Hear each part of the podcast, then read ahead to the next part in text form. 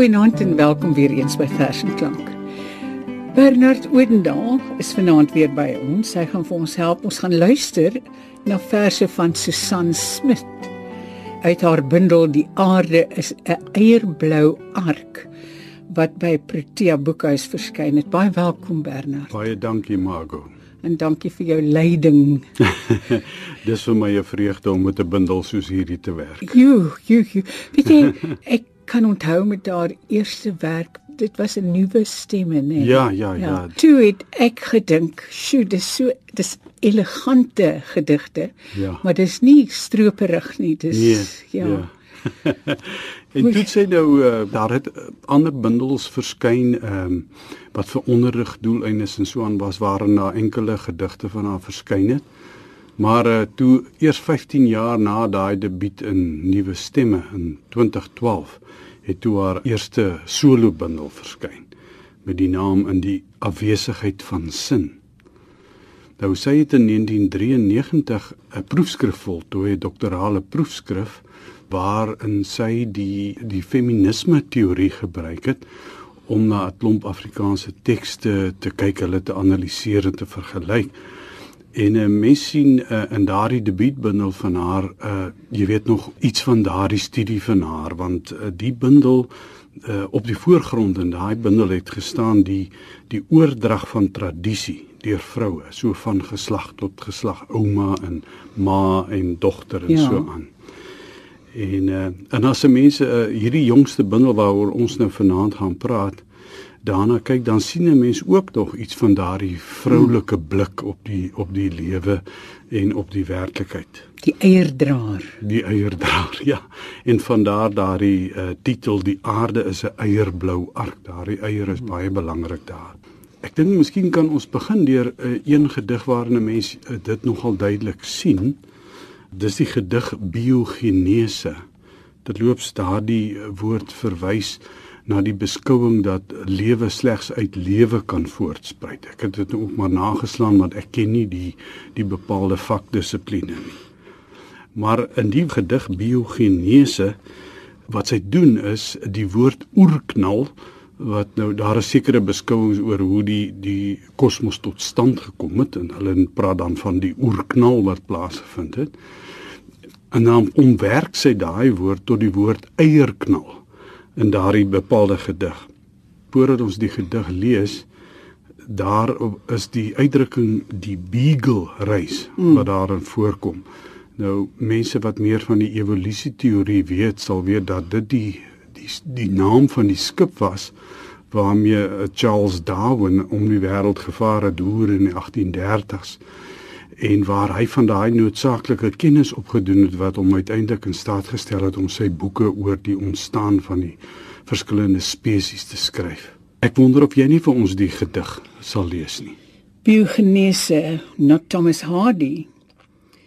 Die tuin rangskik haar kantrokke en donker onderklere oor my wit bene. Sy hou my arms gesjaal in 'n gevlegte lig en skadunes van hare. 'n Steggie teruggesnoei en ingelê vir hergroei. 'n Beagle reis die verskiet in. Terug. As ek slaap, weet ek nie dat ek ontbindende blaar is nie. Dat blaar en muggie en saad uit ontelbare voorouers verdig in een heilige moeder broei wederkerig lewebaar. Uitvaar in die brei saam met Darwin, saam met Hawking, saam met Noag en Spinoza uit die eierknal van stof. Lê lank genoeg stil. Lê met die wortelpenne in jou mond. Kwalik verskil jou inluisterende self van die stuwing en biogenese van grond baie interessante gedig. Hier sê hele paar name van skrywers en denkers en natuurwetenskaplikes wat ons hoor. En dit is tekenend van uh, die feit dat uh, Susan Smit haar in die afgelope klompie jare as letterkundige verdiep het in 'n nuwe teoretiese veld, uh, naamlik die sogenaamde ekokritiek met daarbey sogenaamde ekopoesie. En soos die woord eko aandui, gaan dit hier oor ekologiese kwessies. Spesifiek is dit 'n ondersoek na die kompleks van verhoudings tussen die natuur en die mens en in die ekopoesie natuurlik ook met die poesie daarbey. Die aarde is 'n eierblou ark weerspieël duidelik hierdie belangstelling van haar. Miskien moet ek so 'n bietjie iets vertel van haar persoonlike en professionele geskiedenis. Sy is in die Karoo gebore en het toe in Bloemfontein groot geword en is daar ook opgelei. Het daar ook uiteindelik haar uh, doktorale proefskrif voltooi. Maar sy woon en werk nou al baie jare lank in die Oos-Kaap, spesifiek in Oos-London.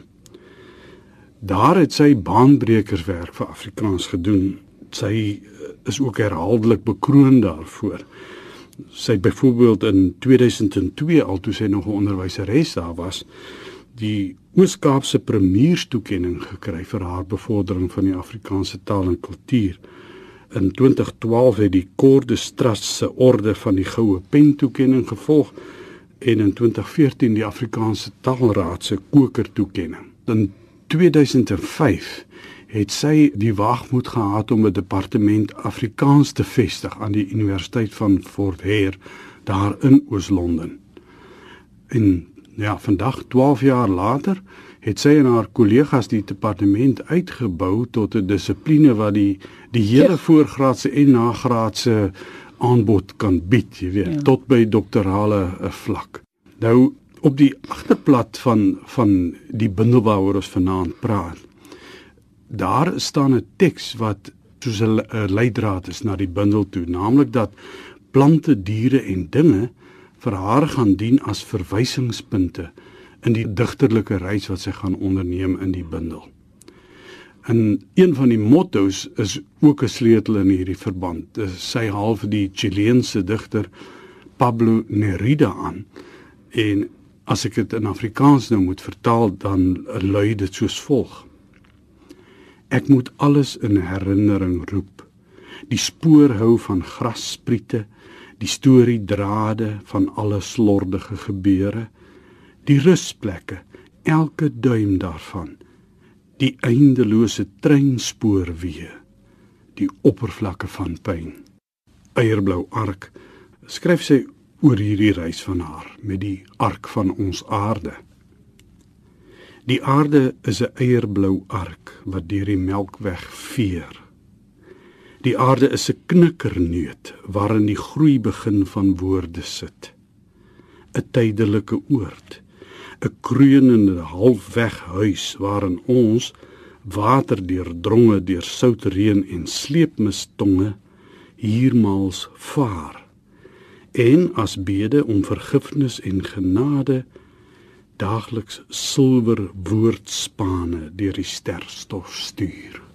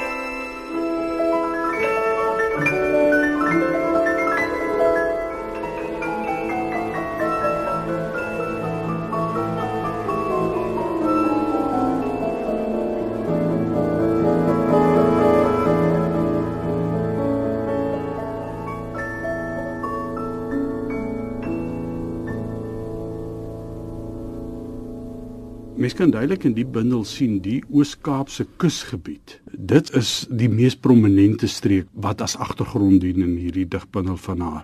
Die lewe in en om die see, die riviermondings en die strandmere van daardie wêreld en dan die water en oeverbos verskynsels wat daarmee gepaard gaan. Daar is ook gedigte oor die Karoo waar sy gebore is, in die Vrystaat waar sy groot geword het, die streke van haar herkoms. Maar die Oos-Kaapse streek en die twee streke wat ek nou genoem het waar sy vandaan kom, is eintlik moet mense dit sien, dis verteenwoordigend van die groter geheel van die van die ganse aarde van van die kosmos. Sy maak dit ook duidelik in die bundel dat dit net eksemplaries eintlik is daarvan. Om Bybelse uitdrukkings te gebruik, dit is voorbeelde of eksemplaries van die lewe bo die aarde, op die aarde en in die waters onder die aarde, kan ek as ja, ware sê. Ja, ja. Daarmee wil ek nou nie suggereer dat eh, Susan Smit die werklikheid noodwendig vanuit 'n Bybelse blikhoek betrag nie. 'n boeiende gedig waarin die dinge ter sprake kom is ene waarin die woorde materie, aarde, moeder en ten slotte ook is met hoofletters geskryf staan. En die gedig dink ek is waarskynlik 'n raker verwoording van haar lewens- en werklikheidsbeskouings as sê nou maar 'n Bybelse een. Credo van die vibrerende materie. Ek wonder of jy dit nie vir ons wil lees nie, Margot.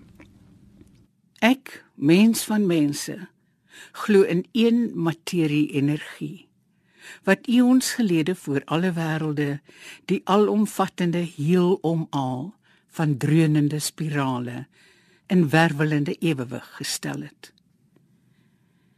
Ek glo in die materiemaker van sienbare en onsigbare dinge.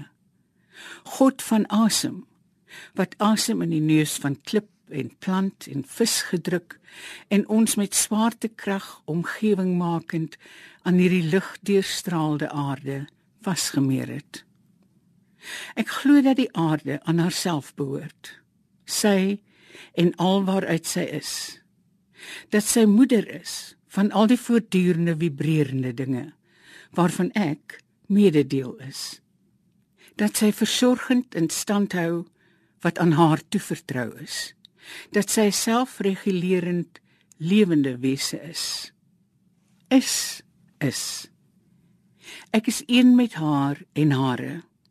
Daar is net hierdie aarde van vis en gras en vlerk en klorofiel deurspoelde groen met een oneindigheidsblou knal waaruit ek saam adem. Ek is een met haar en hare. Daar is net hierdie een aarde. As sy so na die natuur kyk in in hierdie bundel, dan is dit duidelik dat sy die mens deurgaan sien as intiem verbonde aan al die lewenssfere of dit nou bo die aarde of op die aarde of onder die aarde is en al die lewensforme wat daarin voorkom. 'n Voorbeeld is die gedig Onder water en dit het as motto daarby 'n uh, gedeelte uit 'n gedig van Mary Oliver wat lui Stroke by stroke my body remembers that life and cries for the lost parts of it. Jy gaan hom lees onder water. Jy voel jou arms krimp, haal na haal. Jou vingers met swemvliesige web, vaartbeleinde vinstrale word jou vel blink geskip en gladder sikloïd om jou vou jou oë al groter oper onder water jou bene in 'n silwer streepspier saamgegroei jy voel die water trek en stoot deur gevoude filamente en lamelle van jou kieë vloei. Jy swem jouself onverbuisterd tegemoet. Jy sien wat hier so in tandem werk is. Haar kennis want sy het 'n deeglike studie van hierdie goed gedoen. En aan die ander kant die hartstog wat sy het vir die natuur en die mense plek daarin. En die skepende energie of natuurlik weefsel. ja presies as digter ja nou Die kennis van die natuurdinge en van die mens se verhouding daarmee word geteken as juis intiem verbandhoudend met die kunste en spesifiek met die digkuns.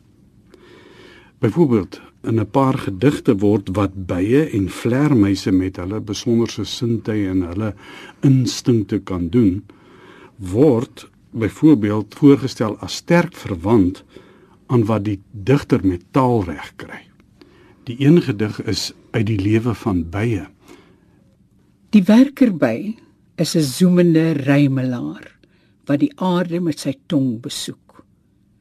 'n Ronde danser en 'n kwispelaar wie se lyf in tale praat. Sy ruimte geheue is sy landkaart. Sy kompas drieledig.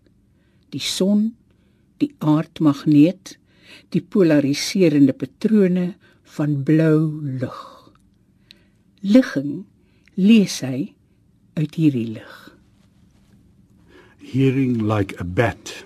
En by hierdie gedig staan daar ook 'n motto aangehaal uit 'n gedig van Linda Hogan. Living in the time between times. Klein speekvlerk drake tuig mitiese dubbeldier ingevoude sambreel en valskermspringer. Nagpyl uit 'n boog wat klank so sterre oes. Jy leef in die gange tussen die oop mond van die aarde en sonlig bewaarder van skemeroorgange. Weer en weer golf die naaldbrikke van jou supersoniese polsange in op timpane van tiermotte en trominsekte. Die geometriese landskap van jou oorriwe 'n vrysnel lens waarmee jy hoor om te sien.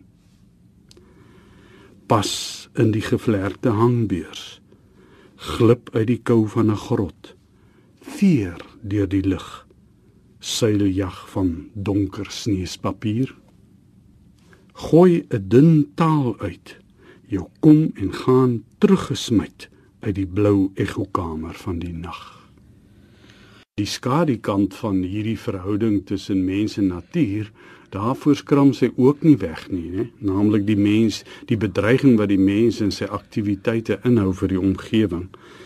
Daar is byvoorbeeld gedigte waarin daar 'n uh, 'n vel kritiese beskouing kan ek sê van ehm um, praktyke soos ontbossing en skaliebreking mm. verwoord staan.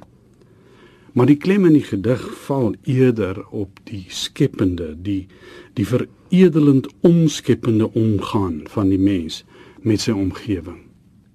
'n Gedig waarin dit goed verwoord staan is ooreenkoms.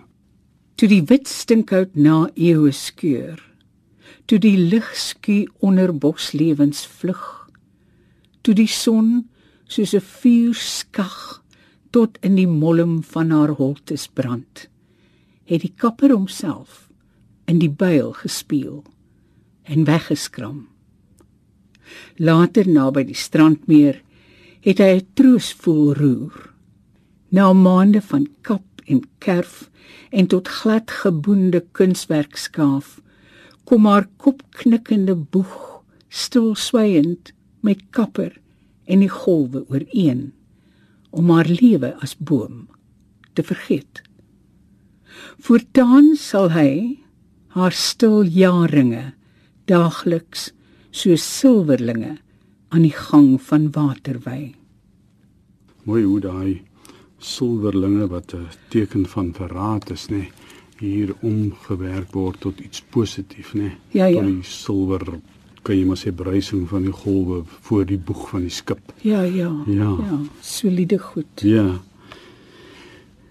Daarom is dit so dat die digkuns gegeewe die ark van die gedig kan 'n mens dit noem so sentraal in hierdie bundel staan Mago. Die digter, deurdat sy die dinge benoem en met woorde teken as dit ware, is eintlik ook 'n 'n soort bewaarder, 'n soort natuurwetenskaplike. Party gedigte in die bundel soos Velddagboek behels skaars meer as 'n opnoem van die volksname van sekere Suid-Afrikaanse veldverskynsels.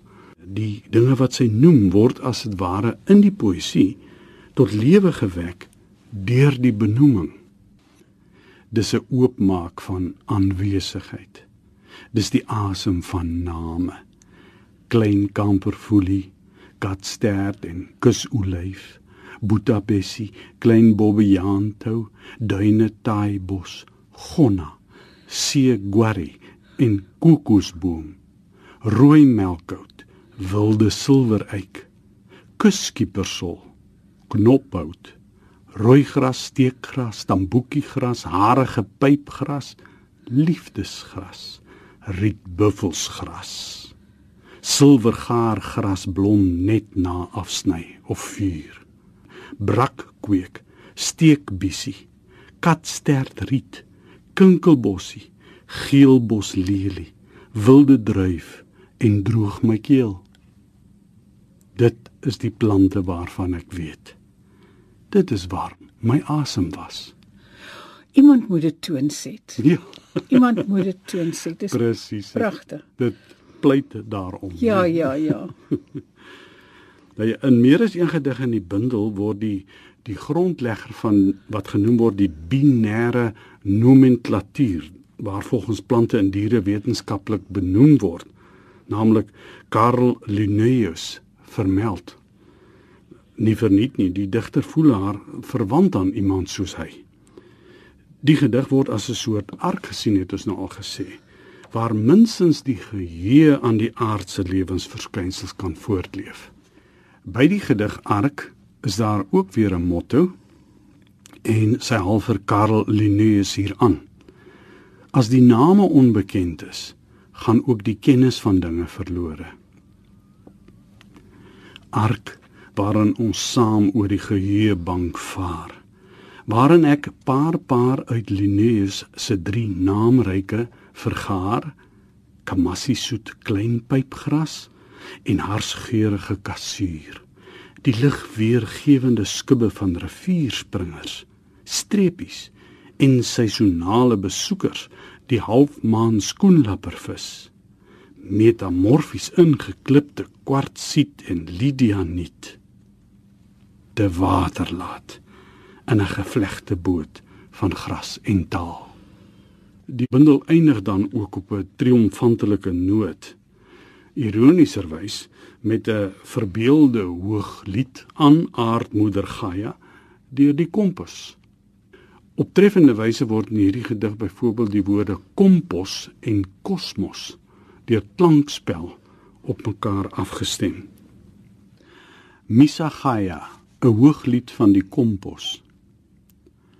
Ons is van die aarde en ons sal terugkeer aarde toe.